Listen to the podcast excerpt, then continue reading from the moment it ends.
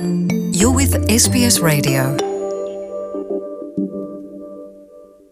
Самбацхан уу? SBS радиогоос та бүхэндээ 7 хоног бүр хүргэдэг оршин суух хөтж байгаа энэ удаагийн сэдвийг хүрэхэд бэлэн болсон байна. Хувийн байшингаа худалдаж авах уу эсвэл шинээр бариулах уу?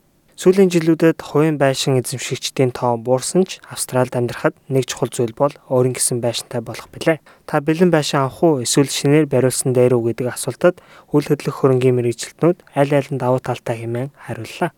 Стефани Скиберас болон түүний нөхөр өнгөрсөн жил анхныхаа хувийн байшиндаа нүүж орсон ба тэд Мельбурн хотоос 32 км-ийн зайтай Donnybrook дүүрэгт шинээр хувийн байшин бариулсан байна. We decided to build because obviously the land in the already established areas was quite small um, and moving further out of the suburbs. Бид яагаад хувийн байшин бариулахаар шийдсэн бэ гэхээр бэлэн байшинтай газар авахд газрын нийт талбай нь бага Харин хотоос жоохон зайтай дүүргүүдэд том талбайтай газар авах боломжтой байсан юм а. Мөн бид хоёр өөрсдийн загвараар байшингаа бариулахыг хүссэн.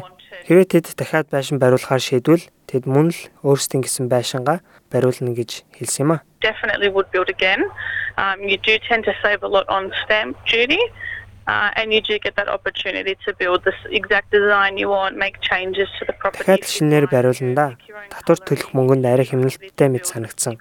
Тэрээр Дээрэс нь өөрийн хүссэн загвар өнгөний сонголтоор байшингаа бариулах боломжтой болно. Brisbane байрладаг Black компани үүсгэн байгуулагч үл хөдлөх хөрөнгийн зээл зуучлагч Виктор Калиновский хэлэхдээ хувийн байшингаа шинээр бариулахад хамгийн том давуу тал нь байшингийнхаа загварыг өөрөө шийдэж сонгох юм гэсэн юм being able to design it exactly how you want. You know, choosing the tiles, the kitchen appliances, having the setup um, and customizing that. Яг өөрийн хүснээр загвараа гаргах боломжтой. Жишээ нь пилтан, галтгооны тохижилт зэргийг өөрсдийн амьдралын хэв маягтаа тохируулан өөрчилж болно. Хэрвээ том унтлахын өрөөтэй болохыг хүсвэл хаалгыг нь хаана хийх үү гэх мэт олон зүйлд сонголт өөрсдөө хийнэ гэсэн үг юм.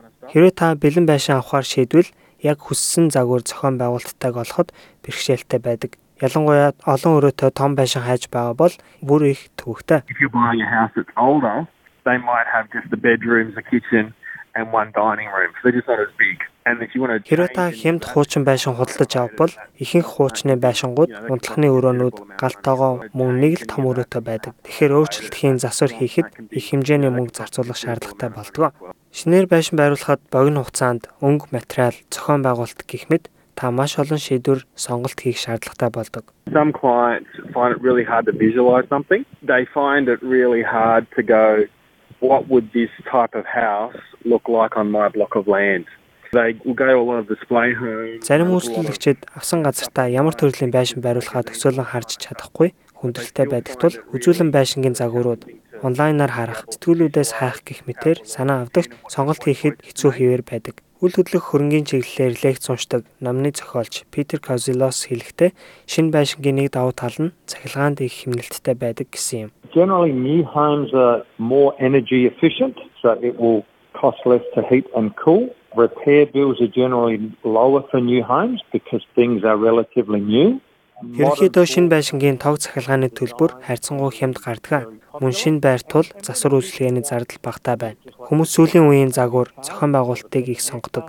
Ихэнх хүмүүс хуучин машин авахаас илүү шинийг сонирхдогтой адил шинэ байшин хүсдэг. Харин шинээр бариулахын нэг дутагдaltaй тал нь барилгын процесс хэр удаан явагдах асуудал байдаг. Газар авангуудаа шууд байшин бариулж боломжгүй тул тодорхой хугацаа шаарддаг. The building or the construction process may be extended. And the other thing is like You know, I talk to a number of people who move into new homes, and it's the connection of the services.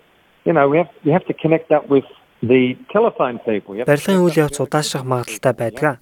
Мөн шинээр байрандаа орж байгаа хүмүүст хэлдэг нэг ажил бол үйлчлэгээнүүд байшиндаа холбоолох өрн телефоны хүмүүстэй холбогдох, тоог цахилгаан газны хүмүүстэй холбогдож эдгээр үйлчилгээнүүдийг захиалгах ажил байдаг. Бэлэн байшин худалдаж авч байгаа тохиолдолд эдгээр үйлчилгээнүүд байртайгаа хамт бэлэн ирдэг. Тиймээс бэлэн байшин худалдаж авах нь хурдан бөгөөд амар процесс юм. Бас нэгэн тооцож үзэх зүйл бол байршлаа сонгох. Хэрвээ та хотын төвд ойр байрлахыг хүсвэл бэлэн байшин авах хэрэгтэй болох байхаа. Өөрийн хувийн байшингаа байруулахыг хүсвэл ихэнхдээ хотоос зайдуу байшил сонгохоос өөр аргагүй болдог. Байшин шинээр бариулах болон бэлэн байшин худалдаж авах зардлыг тооцож үзэх нь маш чухал. Шинээр бариулахад татвар бага төлдөг ч гэсэн энэ шинэ байшин худалдаж авснаас хямд зардалтай байна гэсэн үг биш юм. Нийт зардал мэдээж ямар байшин хаана бариулахаас шалтгаална. Тиймээс шийдвэр гаргахаас өмнө тооцоогоо хийж зардлуудыг харьцуулж үзэх нь чухал. Мөн ирээдүг харж тооцоогоо хийх хэрэгтэй тухайлбал засвар үйлчилгээ хийлгэх зардал эсвэл барилгын явц удаашрахад түрээст төлөх зардлаа тооцох гэх мэт. Виктор Калиновский тухайн байшиндаа хэр удаан амьдрахаа тооцож үзэх хэрэгтэйг сануулсан юм. Та энэ байшиндаа насан туршдаа амьдрах уу? Эсвэл тодорхой хугацааны дараа зараад байшингаа сайжруулах төлөвлөгөөтэй байна уу?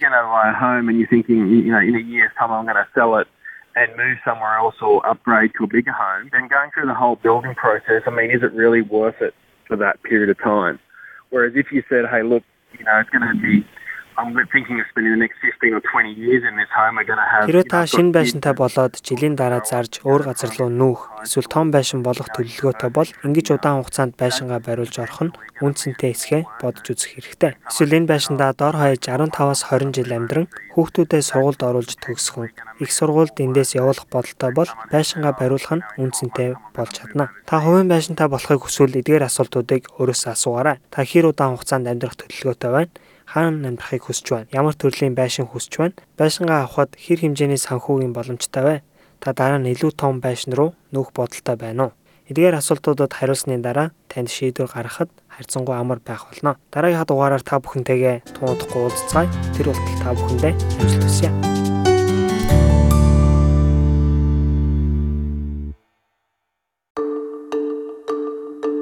Want to hear more stories like this?